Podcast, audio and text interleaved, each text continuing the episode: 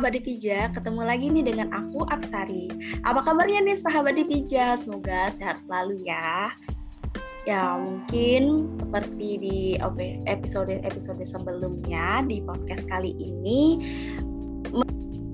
membicarakan tentang kesehatan mental yang gak skala seru. Nah pada kali ini kita kedatangan pembicara yang gak kalah seru juga nih karena pembicara kita ini salah satu satu peer counselor di, di yaitu Kak Nina. Halo Kak Nina, apa kabarnya Kak? Hai Apsari, Alhamdulillah uh, kabarku hari ini sehat sehat terus. Salam kenal juga buat uh, pendengar setia podcast Divija atau biasanya dipanggil dengan sahabat Divija ya. Halo semuanya.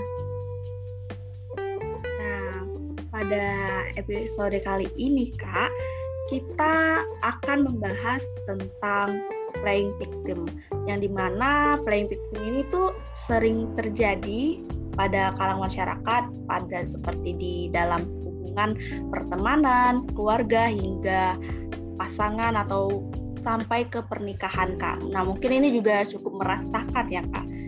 Nah, sebelum itu, sebelum kita membahas lebih lanjut, kakak bisa nih perkenalan diri terlebih dahulu biar sahabat Divija lebih dekat dan lebih kenal sama kakak.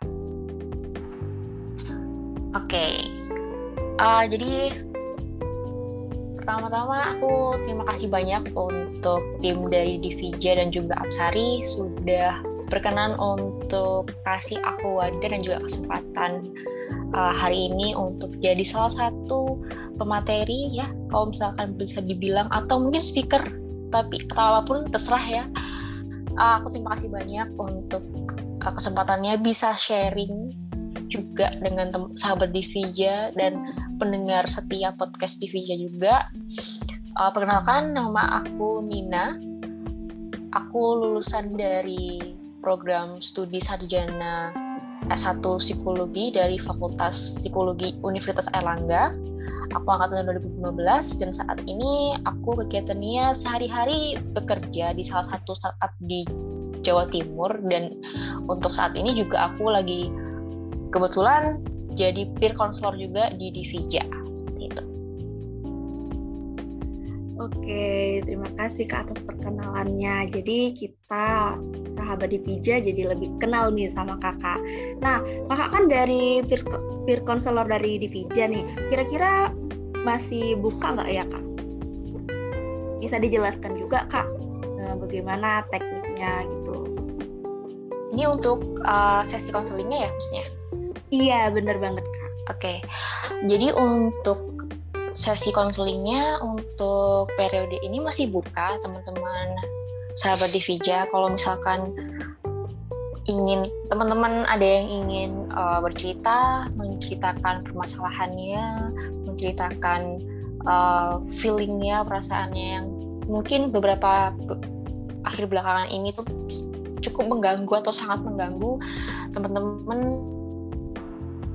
uh, bisa daftar melalui akun Instagram Divija yang pasti ya nanti bisa ada link di bagian uh, description atau di bio-nya itu. Atau mungkin kalau misalkan teman-teman masih mau ragu-ragu bisa tanya ke CP-nya Divija juga nggak apa-apa.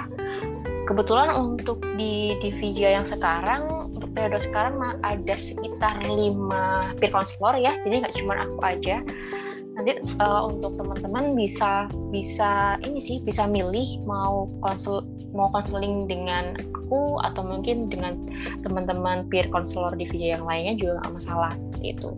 Nanti untuk um, alurnya untuk konseling seperti apa nanti sahabat Divija dan teman-teman pendengar setia podcast Divija bisa langsung cek di Instagramnya di Divija nanti akan ada uh, ini ya kontak person ataupun link untuk pendaftarannya. Namun khusus untuk di Vija, pendaftaran untuk konseling bersama peer counselor gratis itu hanya dibuka di hari Jumat hingga hari Minggu aja. Jadi yang pasti sih harus follow Instagramnya di Vija ya biar tahu notifikasinya kapan nih uh, uh, sesi konselingnya setiap minggu ini dibuka kayak gitu.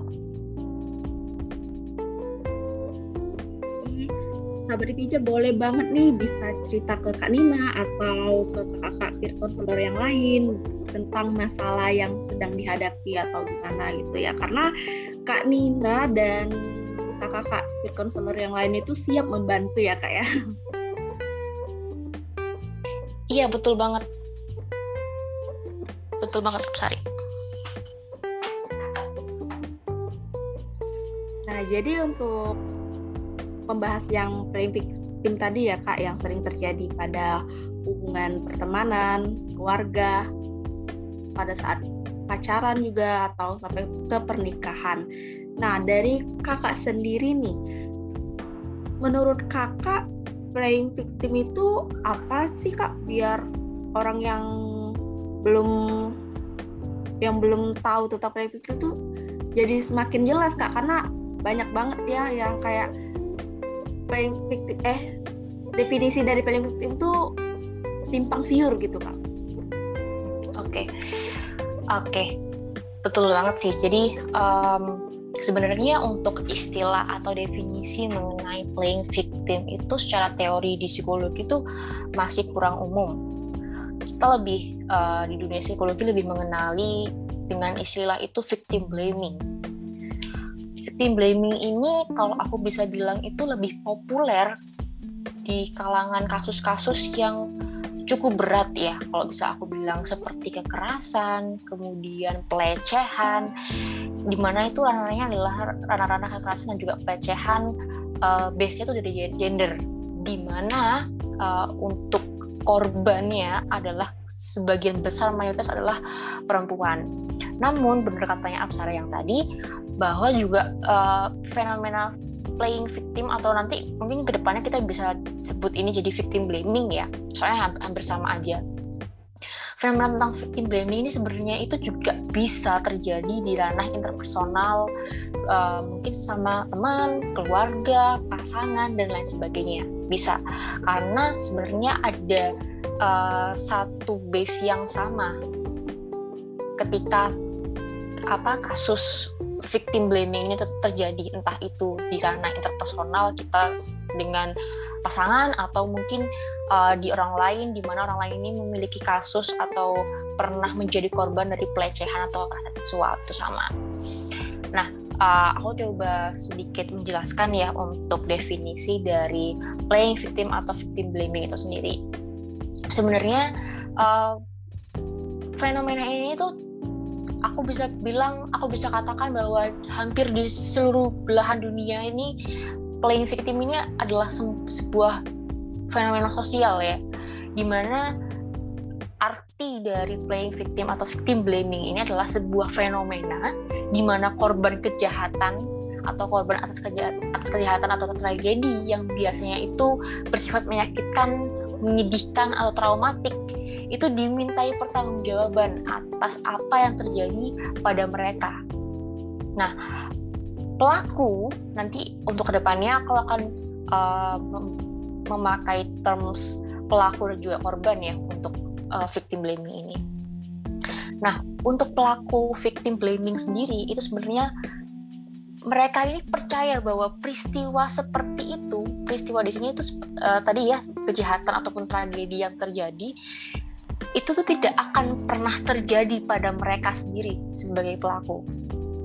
Victim blaming di sini itu diketahui seperti tadi ya yang aku sudah pernah mention sering terjadi di kasus-kasus pemerkosaan, kekerasan seksual dan lain sebagainya di mana korbannya ini sering dituduh quote in quote mengundang karena pakaian atau bahkan perilakunya. Seperti itu. Suaranya sepertinya iya. terputus. Yeah. Dari penjelasan kakak tadi kan kebanyakan korban di sini tuh mayoritas perempuan ya kak. Dalam apa pun di si korban ini tuh sering disalahkan. Padahal padahal ya dia korban gitu kak ya apa pun yang dilakukan ya pasti salah gitu. Nah kalau dari tanda-tanda seseorang perilaku playing victim itu bagaimana ya kak? Okay. Sebenarnya kalau untuk tanda-tanda pelaku playing victim atau victim blaming itu sendiri sebenarnya tidak ada yang baku ya untuk menunjukkan oh ini ABCD tanda-tanda ABCD yang dikeluarkan itu berarti adalah uh, victim blaming atau playing victim. Sebenarnya seperti itu tuh uh, kurang tepat. Namun aku bisa menjelaskan bahwa ada beberapa uh, contoh attitude ataupun perilaku yang itu di mana bisa dikategorikan untuk uh, untuk leading atau untuk mengarah ke fenomena victim blaming atau playing victim. Ada beberapa contoh yang mungkin sebagian dari kita, uh, aku dan juga Absali dan juga pendengar podcast Divija ya, sahabat Divija itu sering mendengar setiap sehari-hari. Seperti yang pertama, perkata ini lebih ke, ke perkataan ya, contoh-contoh perkataan. Contoh yang pertama seperti kata-kata yang terucap, ya dia pantas mendapatkannya.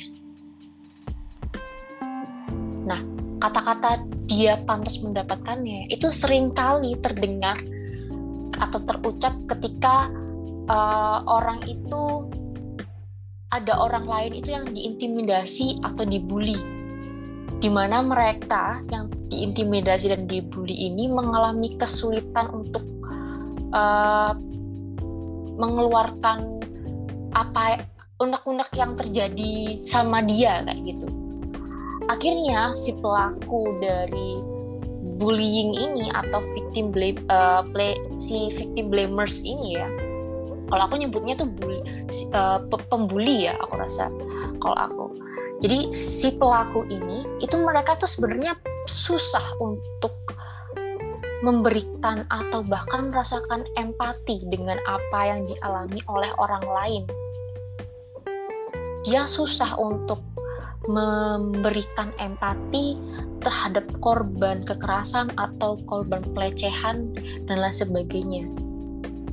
Apalagi jika ketika pelaku ini berpikir atau bahkan melihat kebanyakan besar berpikir ya berpikir bahwa korban atau orang lain ini memiliki kepribadian yang quote unquote negatif atau menjengkelkan.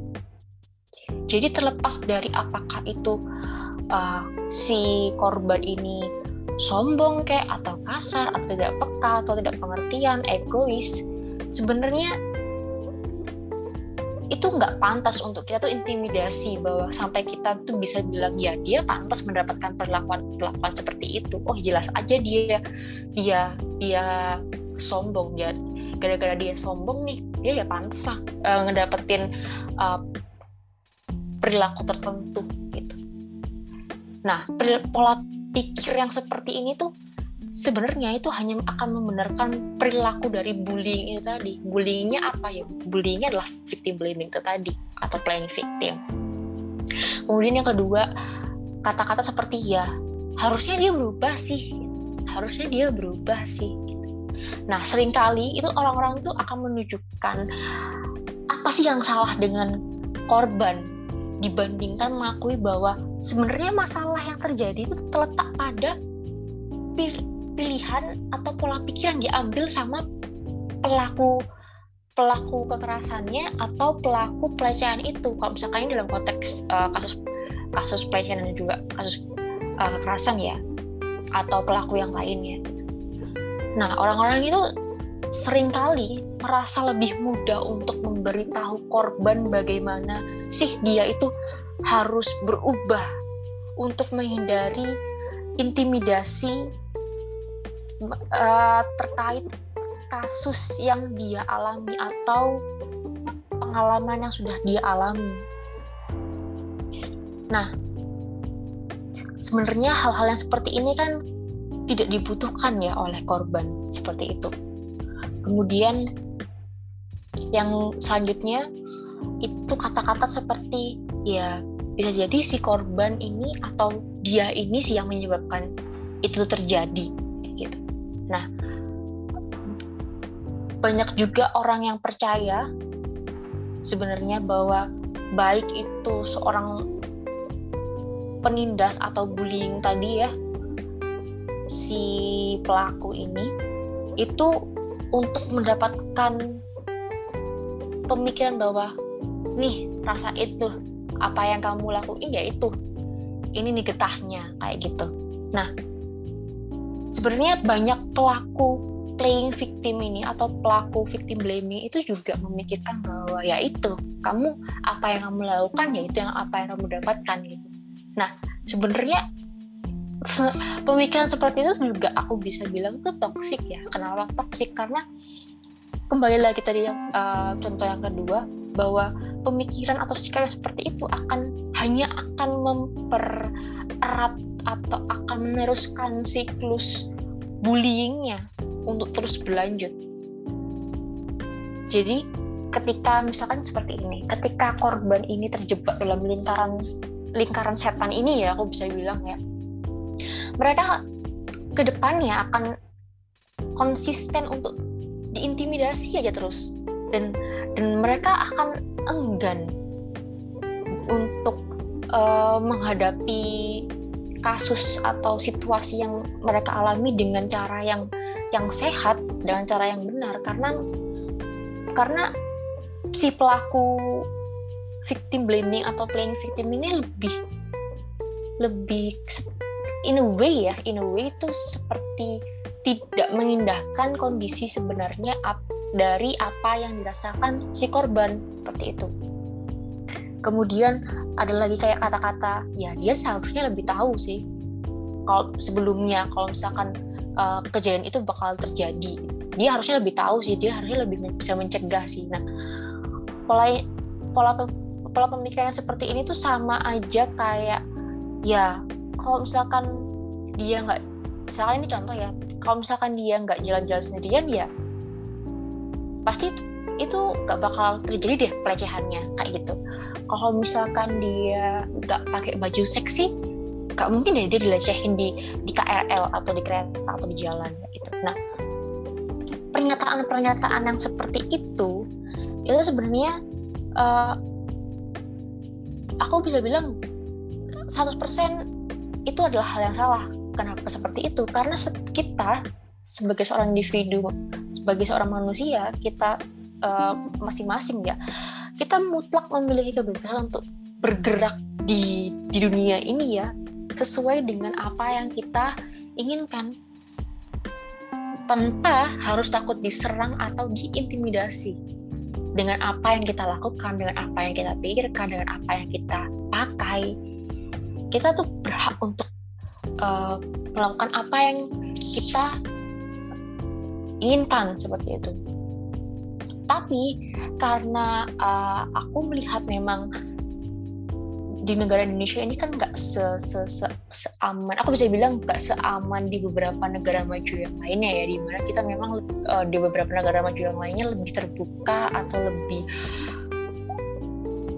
secure lah ya lebih aman untuk kita tuh mengekspresikan diri kita seperti apa gitu. Nah uh, kalau aku pribadi tuh sering memberikan saran bahwa kita harus peka juga dengan keadaan kondisi sosial dan juga budaya kita di mana saat ini kita berpijak di Indonesia. Masih belum banyak orang yang masih uh, masih belum banyak orang yang ter, terbuka itu dengan apa yang kita pikirkan meskipun kita tahu kalau misalkan apa yang kita pikirkan, apa yang kita lakukan itu adalah hal persen mutlak hak kita.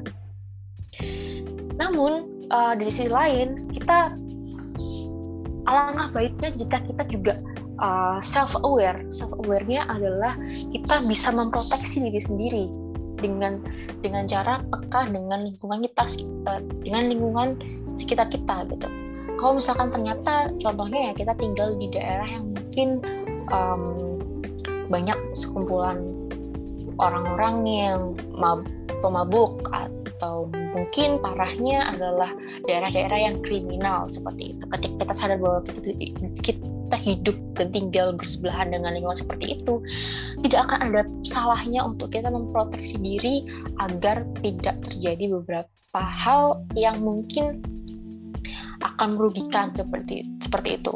Tapi sekali lagi aku stated bahwa kita punya hak mutlak dan kita sama sekali tidak salah untuk melakukan dan memilih apa pun yang kita ingin pikirkan, kita ingin utarakan dan juga kita ingin pakai. Kemudian uh, kata-kata seperti kayak ya dia lemah sih atau dia dia sih nggak nggak nggak ngelawan ketika ada kejadian itu. Nah sebenarnya banyak juga uh, dari kita ya orang-orang di sekitar kita atau mungkin bahkan kita kita sendiri yang tanpa sadar atau sadar itu sering menyalahkan korban-korban atau orang-orang yang pernah mengalami perundungan secara fisik atau secara psikologis. Kemudian di satu sisi kita tuh sebenarnya nggak melakukan apa pun gitu, nggak memberikan nggak memberikan advice apa pun atau memberikan pertolongan apa pun. Kemudian ada kata-kata yang terakhir lagi seperti kayak dia itu sebenarnya terlalu sensitif sih atau mudah tersinggung makanya makanya bisa jadi korban dari suatu kasus kayak gitu. Nah, ini ini perkataan yang sangat klasik ya. Aku bisa bilang ini pertanyaan yang klasik yang sering diucapkan ketika para pelaku playing victim atau victim blaming ini menemukan korban yang menurut dia itu wah ini jadi sasaran empuk gitu ini adalah kata-kata kata-kata klasik sekali jadi ketika ada pelaku atau orang di sekitar kita yang berkomentar seperti ini sebenarnya itu mereka memanfaatkan ejekan. Ejekan-ejekan yang dia itu sering gunakan ya. Dan ejekan dari si penindas atau si pembuli ini dia tunjukkan bahwa untuk tujuan itu bahwa si korban ini loh kamu ada cacat. Kayak gitu. Anyway kamu tuh ada sesuatu yang kamu tuh nggak bagus gitu. Pada si korbannya tadi. Nah terlebih lagi kata-kata dia terlalu sensitif dia atau dia tuh uh, kayak terlalu terlalu sensitif atau terlalu tersinggung deh. Jadinya dia bisa kayak gitu gitu. Nah kata-kata seperti itu sebenarnya adalah ungkapan ungkap, ungkapan intimidasi yang umum ya kalau misalkan aku bisa katakan. Karena hal tersebut itu menyiratkan bahwa re, menyiratkan bahwa reaksi korban itu tidak normal atau tidak alami. Sehingga bisa jadi hal yang terburuk yang bisa dikatakan seseorang tentang korban bullying dalam artian di sini korban victim blaming ini mereka ini sebenarnya bisa loh untuk meminimalisir apa yang dia alami sebelumnya. Jadi pelaku itu dalam pemikirannya dia mengatakan kata-kata bahwa dia tuh kayak terlalu sensitif atau mudah tersinggung. Dia dalam pemikirannya dia beranggapan bahwa sebenarnya itu si korban bisa kok kalau misalkan dia itu bisa uh, meminimalisir sifat-sifat yang uh, anggapannya negatif gitu. Nah, padahal kan itu adalah hal-hal yang salah gitu. Gak, gak semua orang dengan kepribadian atau sifat yang sensitif atau mudah tersinggung itu juga berhak untuk menjadi korban dari victim blaming. Jadi tadi ya ada enam ada enam. Aku aku recap lagi. Kata-kata yang sering uh, jadi ini inisial kasus atau pelaku victim blaming atau playing victim itu seperti kayak dia pantas mendapatkannya kemudian harusnya dia berubah. Kemudian dia yang menyebabkan kasus itu terjadi. Kemudian dia seharusnya lebih tahu sebelumnya. Dia lemah dan tidak melawan sampai dia itu terlalu sensitif atau mudah tersinggung. Nah, enam kata-kata ini biasanya umumnya muncul ketika si pelaku playing victim atau victim blaming ini lagi uh, beraksi. Seperti itu, Absari.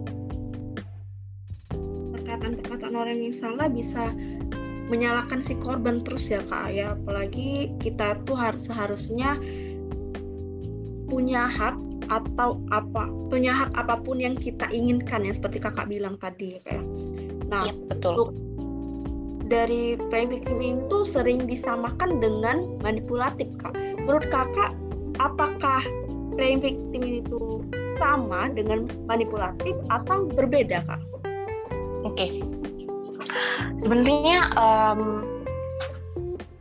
untuk playing victim atau victim blaming ini sendiri adalah sebuah fenomena psikologi sosial ya. Nah, uniknya victim blaming atau playing victim ini adalah salah satu tanda dari sifat atau aku bisa bilang mungkin sifat atau ya sifat ya aku bilang. Sifat atau kepribadian yang manipulatif. Jadi kalau misalkan ditanyain sama Absari ini apakah apakah berbeda ada bedanya atau kayak gimana gitu. Sebenarnya aku bisa bilang tidak ada perbedaan. Karena kalau misalkan aku bisa uh, jelaskan lagi sebenarnya victim blaming atau playing victim itu adalah salah satu teknik atau salah satu salah satu taktik manipulatif yang digunakan oleh pelaku-pelakunya ini untuk meyakinkan diri mereka sendiri dan korbannya bahwa masalahnya itu terletak pada orang lain, bukan pada si pelaku ini. Jadi mereka menggunakan trik yang aku rasa bisa katakan cerdas dan efektif ya. Jadi sebenarnya manip, uh, sifat manipulatif atau kepribadian manipulatif itu banyak uh, taktiknya ya, yang yang dia lakukan gitu. Nah, salah satunya adalah dengan blaming, menyalahkan orang lain. Di mana manipulatif itu sendiri sebenarnya itu mengacu pada strategi dan juga perilaku yang digunakan uh, seseorang untuk mendapatkan kekuasaan atau pengaruh atas orang lain. Di mana taktik ini sering kali itu mencakup upaya-upaya seperti uh, secara sengaja merusak kesehatan emosional dan juga mental dari orang lain. Jadi victim victim blaming dan juga manipulatif itu aku bisa katakan adalah salah satu uh, satu kesatuan di mana salah satu teknik manipulatif orang yang manipulatif adalah dengan bermain victim blaming atau playing victim seperti itu.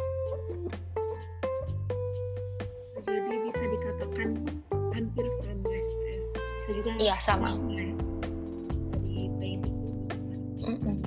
karena dari yang saya ditangkap penjelasan kakak tadi sifat manipulatif ini mempunyai banyak taktik dengan cara menyalahkan orang lain. Nah betul. dan juga sengaja untuk merusak kesehatan mental orang tersebut betul nah kalau setelah melakukan playing ini pasti akan ada dampaknya ya kak dari playing Nah, kira-kira bagaimana Kak dampak dari si korban yang terkena dari playing victim ini Kak? Hmm. Oke. Okay. Untuk dampaknya mungkin kita semua udah tahu ya uh, sahabat, TV juga mungkin sering membaca berita atau bahkan mendengar berita, melihat berita mengenai fenomena victim blaming ataupun playing victim di Indonesia yang memang kebanyakan yang di uh, cover oleh media adalah dalam kasus-kasus yang uh, cukup besar dan cukup uh, lumayan lumayan kritikal ya kalau misalkan aku bisa bilang. Karena kasusnya itu mencakup kekerasan dan juga pelecehan seksual. Nah, uh, mungkin teman-teman juga juga sudah bisa menebak atau bahkan sudah pernah membaca sendiri bahwa sebenarnya banyak eh, dampak-dampak psikologis yang diterima ya oleh korban dari victim blaming. Teman-teman bisa teman-teman juga bisa browsing sendiri ya aku rasa karena itu sangat sudah banyak sekali untuk uh, beri dari, dari dari berita atau bahkan dari penelitian dari paper jurnal research dan sebagainya banyak sekali yang men, men, menceritakan atau menuliskan bagaimana dampak secara psikologis dari korban playing victim ataupun victim blaming. Tapi yang aku mau coba sebut uh, ini ya, coba sharing sama teman-teman sahabat TVJ adalah bagaimana impact dari victim blaming ini atau playing victim ini ke masyarakat secara luas. Karena gak banyak juga yang dari kita tuh fokus juga terhadap efek atau dampaknya victim blaming ini ke society kita. Memang benar memang betul memang tepat kalau misalkan uh, fenomena victim blaming ini lebih lebih ini ya lebih impactful ke posisi korbannya. Namun kita tetap nggak nggak boleh menutup mata kita nggak boleh menutup telinga juga bahwa sebenarnya uh, fenomena playing victim ini juga sebenarnya impactnya sangat sangat besar juga ke orang-orang yang bahkan bukan korban atau bukan pelaku. Beberapa kalau misalkan untuk korbannya sendiri ya kita uh, aku bisa bilang untuk victim blaming akan membuat lebih susah ya bagi korban untuk untuk ada kemauan untuk maju dan juga melaporkan kasus yang dia atau apa atau kasus atau kondisi yang dia alami gitu entah itu ke pihak yang berwenang atau mungkin menceritakan itu ke pihak psikolog ataupun psikiater dia akan lebih cenderung ah nggak dulu deh ah nggak deh ntar bisa diomongin lagi ntar bisa disalahin lagi ya itu itu kalau misalkan dari korbannya ya salah satu dampaknya. Nah kalau misalkan dari uh, society-nya sebenarnya dengan adanya fenomena victim blaming atau mulai victim itu akan lebih me memupuk atau apa ya memupuk menyuburkan budaya-budaya yang tidak mau mendengarkan korbannya. Itu yang pertama. Yang kedua adalah ke depannya akan lebih sedikit juga kejahatan atau kasus-kasus yang cukup berat ya mengenai uh, fenomena victim blaming ini akan dilaporkan dan juga akan lebih sedikit pula para pelaku atau aku bisa bilang predator juga yang akan diadili. Jadi di masyarakat kita ketika kita tahu gitu ya ada ada fenomena victim blaming atau bahkan orang sekitar kita ada yang sebagai pelaku Ke, kemudian kita sendiri atau banyak orang di sekitarnya itu cenderung untuk berdiam diri ya. dengan kita berdiam diri itu sebenarnya kita uh, di sisi lain kita memberi memperkuat atau memberikan reinforcement terhadap sikap yang pelaku ini lakukan. Jadi dengan kita berdiam dan kita tidak bertindak sebenarnya itu akan semakin memungkinkan para pelakunya ini untuk uh, menghindar dan juga dimintai pertanggungjawaban atas tindakan mereka. Pelaku dalam artian ini adalah pelaku uh, kekerasan ataupun pelecehan seksual ya. Jadi karena ada uh, para victim victim blamers atau playing victim ini di mana ketika dia itu beraksi maka satu sisi para pelaku kejahatan itu akan lebih susah untuk dimintai pertanggungjawaban atau tindakan mereka. Kenapa? Karena eh, di satu sisi dengan omongan-omongan atau ucapan atau tulisan dari para pelaku victim blaming ataupun playing victim ini itu akan bisa menggiring masyarakat di sekitarnya akan bisa menggiring uh, opini orang-orang di sekitarnya bahwa oh korban itu seperti ini. Oh kayak benar si korban deh jadi itu itu menurut aku cukup cukup ini ya cukup bermasalah di sana omongannya itu. Cukup berbahaya sorry bukan bermasalah tapi cukup berbahaya. Karena ketika itu diucapkan itu bisa menggiring opini masyarakat atau orang di sekitarnya untuk tidak melihat korban terlebih dahulu dalam kacamata yang benar ya dalam dalam artian membantu korban ini butuhnya apa sih? Enggak tapi orang-orang di sekitarnya akan lebih cenderung melihat korban kok bisa ya? Emang dia ngapain sih? Gitu. Loh jangan-jangan dia kayak gini. Oh pantesan sih dia kayak gini. Soalnya dia kayaknya gini-gini. Lah kayak gitu. Ketika orang-orang atau society di sekitar kita lebih fokus dengan apa alasan apa yang terjadi pada uh, kasus korban ini dia bukannya mau membantu korban enggak tapi dia tuh malah kepo. Akhirnya si pelaku kekerasan atau uh, pelecehan seksual ini atau uh, yang ranah lainnya ya dia nggak mendapatkan spotlightnya Padahal yang harusnya bermasalah, yang harusnya ditanyakan adalah si pelakunya, bukan korbannya. Kayak gitu. Kemudian uh, aku balik lagi untuk uh, di sisi korbannya itu pasti ya korban akan uh, semakin mengalami beban mental bahkan mungkin beban fisik yang yang terus meningkat. Yang sebenarnya itu nggak perlu untuk para korbannya itu uh, rasakan gitu. Karena bisa jadi di, di momentum yang sama ketika mereka mendapatkan ejekan-ejekan itu dari para pelaku uh, victim blaming dan juga playing victim itu tadi sebenarnya mereka mendapat membutuhkan beberapa bantuan ya entah itu bantuan secara fisik, bantuan secara emosional dan lain sebagainya. Itu yang mereka butuhkan. Tapi ketika mereka tidak mendapatkan itu dan malah mereka itu mendapatkan ejekan dan di saat dan di waktu yang bersamaan dia juga mendapatkan atau menyaksikan bahwa orang yang membuatnya itu sengsara atau sedih atau atau apa ya menderita gitu ya. Si pelakunya ini malah nggak nggak mendapatkan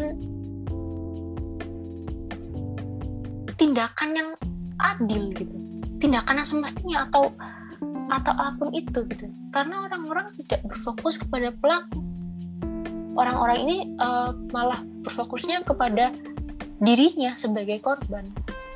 Nah hal itu bisa semakin meningkatkan beberapa emosi yang sebenarnya awalnya itu nggak nggak perlu untuk dirasakan sama sama korban ya. Tapi akhirnya ketika ada fenomena victim blaming ini ketika dia mendapatkan uh, blaming dari para orang-orang yang tidak bertanggung jawab ini akhirnya dia mendapatkan atau mengalami ke, uh, emosi yang tidak stabil.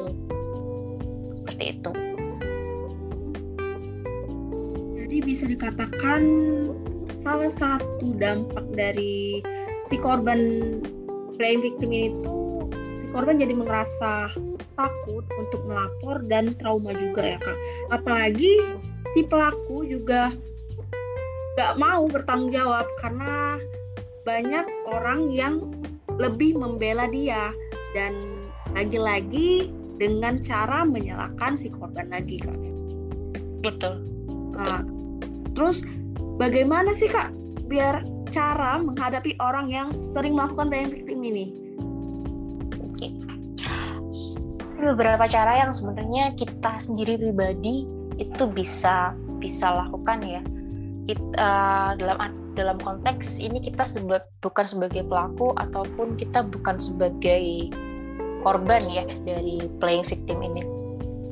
Yang pertama adalah ketika kita mendapatkan atau kita mendengar atau kita membaca melihat di mana pun itu ada orang yang uh, playing victim atau melakukan victim blaming kita bisa salah, uh, salah satunya adalah dengan mengkonfrontasi pernyataan dari pelaku.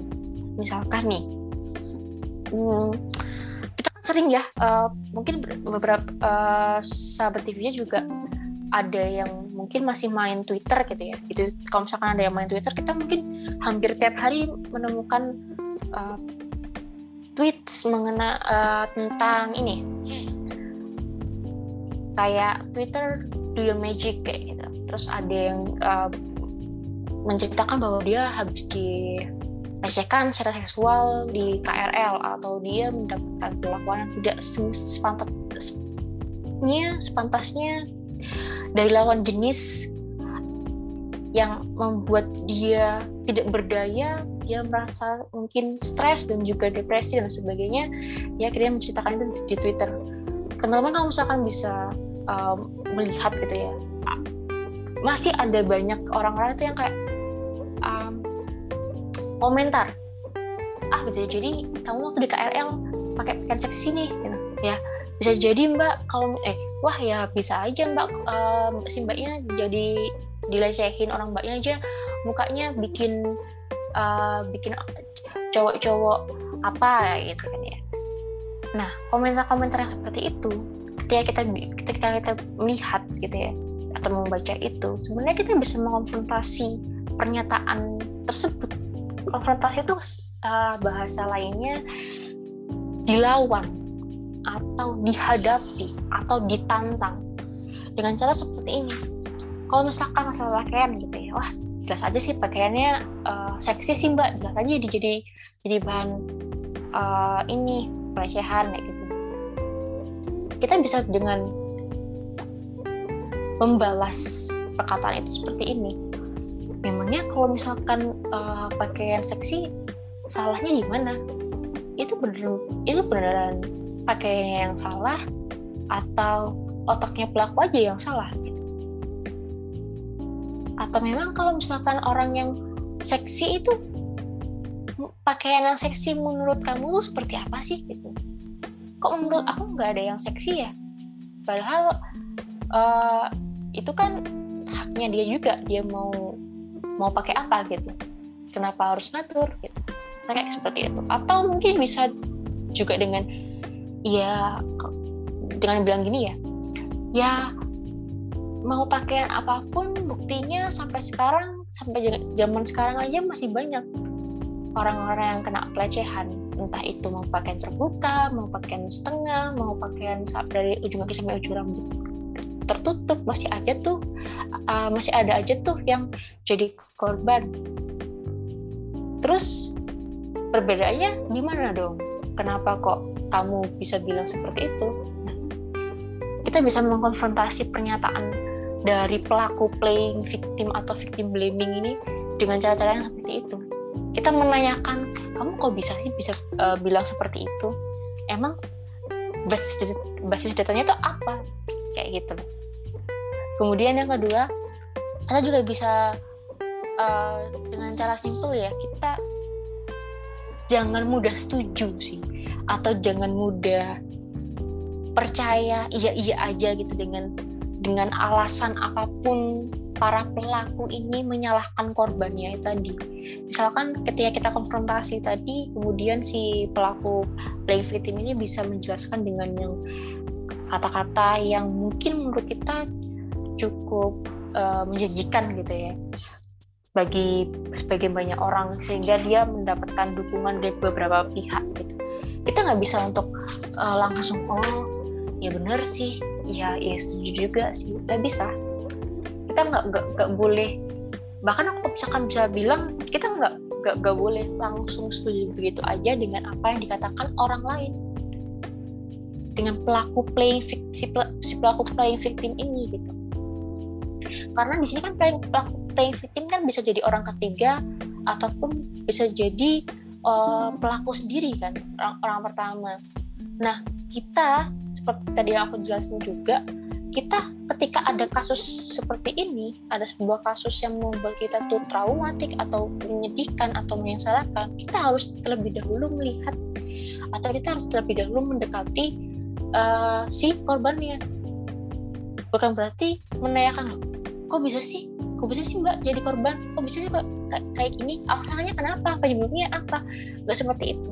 Tapi kita memberikan dia bantuan secara setidaknya secara mental terlebih dahulu. Dengan si korbannya ini. Atau mungkin kita memberikan bantuan uh, atau first aid first aid-nya dulu apa yang dia butuhkan. Entah itu uh, secara fisik atau secara mental atau yang lainnya gitu kita harus bisa di, uh, di berpihak pada korban terlebih dahulu. Ini berlaku di kasus apa pun ya. Jadi kita harus tetap melihat dari sisi korban terlebih dahulu.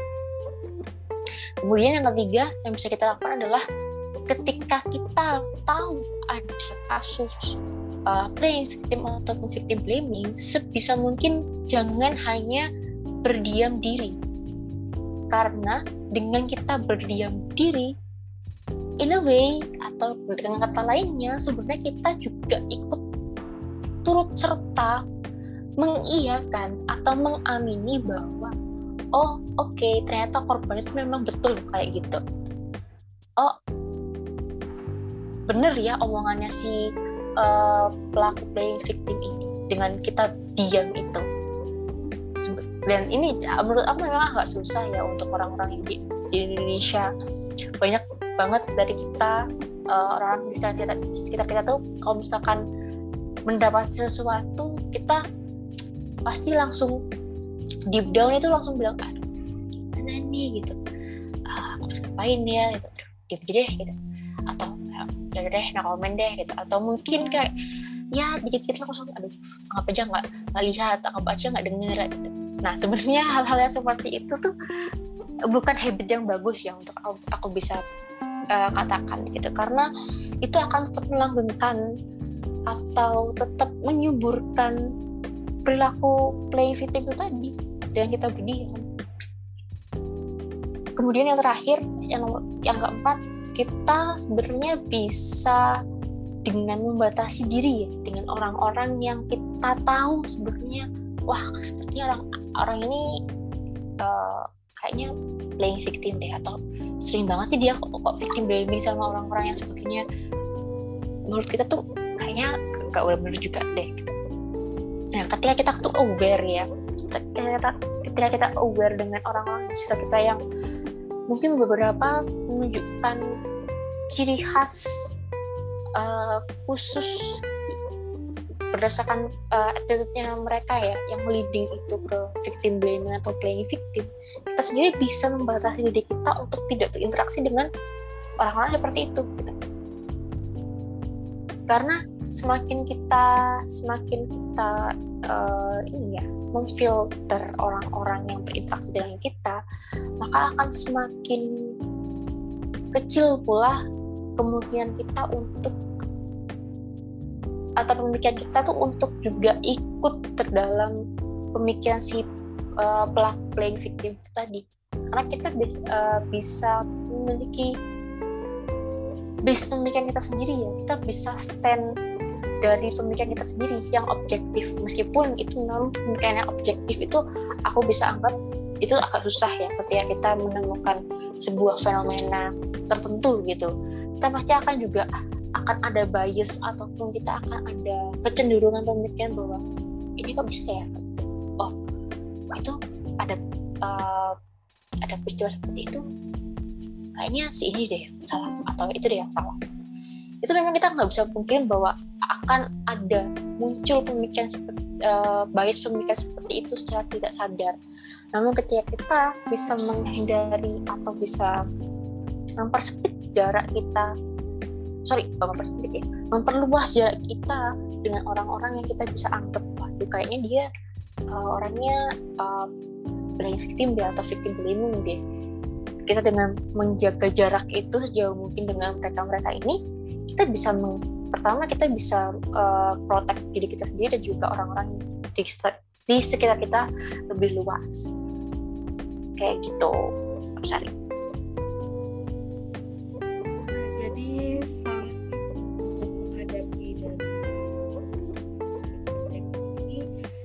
Ya dengan membatasi diri. Kayaknya lebih harus berhati-hati lagi karena kebanyakan ya orang sekitar itu juga sering melakukan claim victim ini. Betul. Hmm. betul. Nah mungkin karena waktunya ini terbatas ya kak.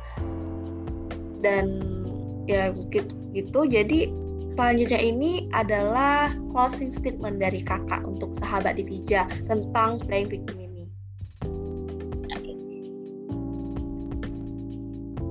uh, kata-kata dari aku ya sebenarnya kita semua ya kapan pun di mana pun itu kita bisa saja mengalami hal yang tidak menyenangkan hingga yang paling buruk itu kita bisa terjadi dengan kita semua. Namun ketika kita bertanya pada diri kita sendiri tentang apa yang dilakukan oleh orang lain sehingga mereka itu bisa mendapatkan peristiwa yang tidak menyenangkan. Itu kita bisa luangkan waktu sejenak untuk memikirkan dan juga mempertimbangkan kembali apakah ada kecenderungan atau bias lain atau sesuatu yang bisa mempengaruhi penilaian kita terhadap orang lain itu. Jadi dibandingkan menyalahkan korbannya, alangkah baiknya jika kita coba menempatkan diri kita sebagai orang tersebut atau kita mencoba untuk menempatkan diri kita pada posisi orang tersebut dan sebagai gantinya kita tidak ada salahnya untuk mencoba berempati karena empati itu adalah salah satu aspek yang memang kita butuhkan di, di kehidupan kita sehari-hari.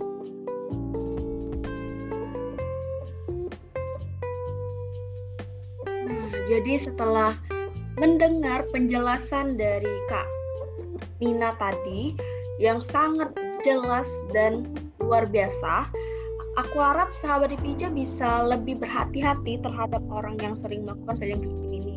Nah, untuk caranya tadi atau tanda-tandanya tadi sudah dijelaskan oleh Kak, Kak Nina ya.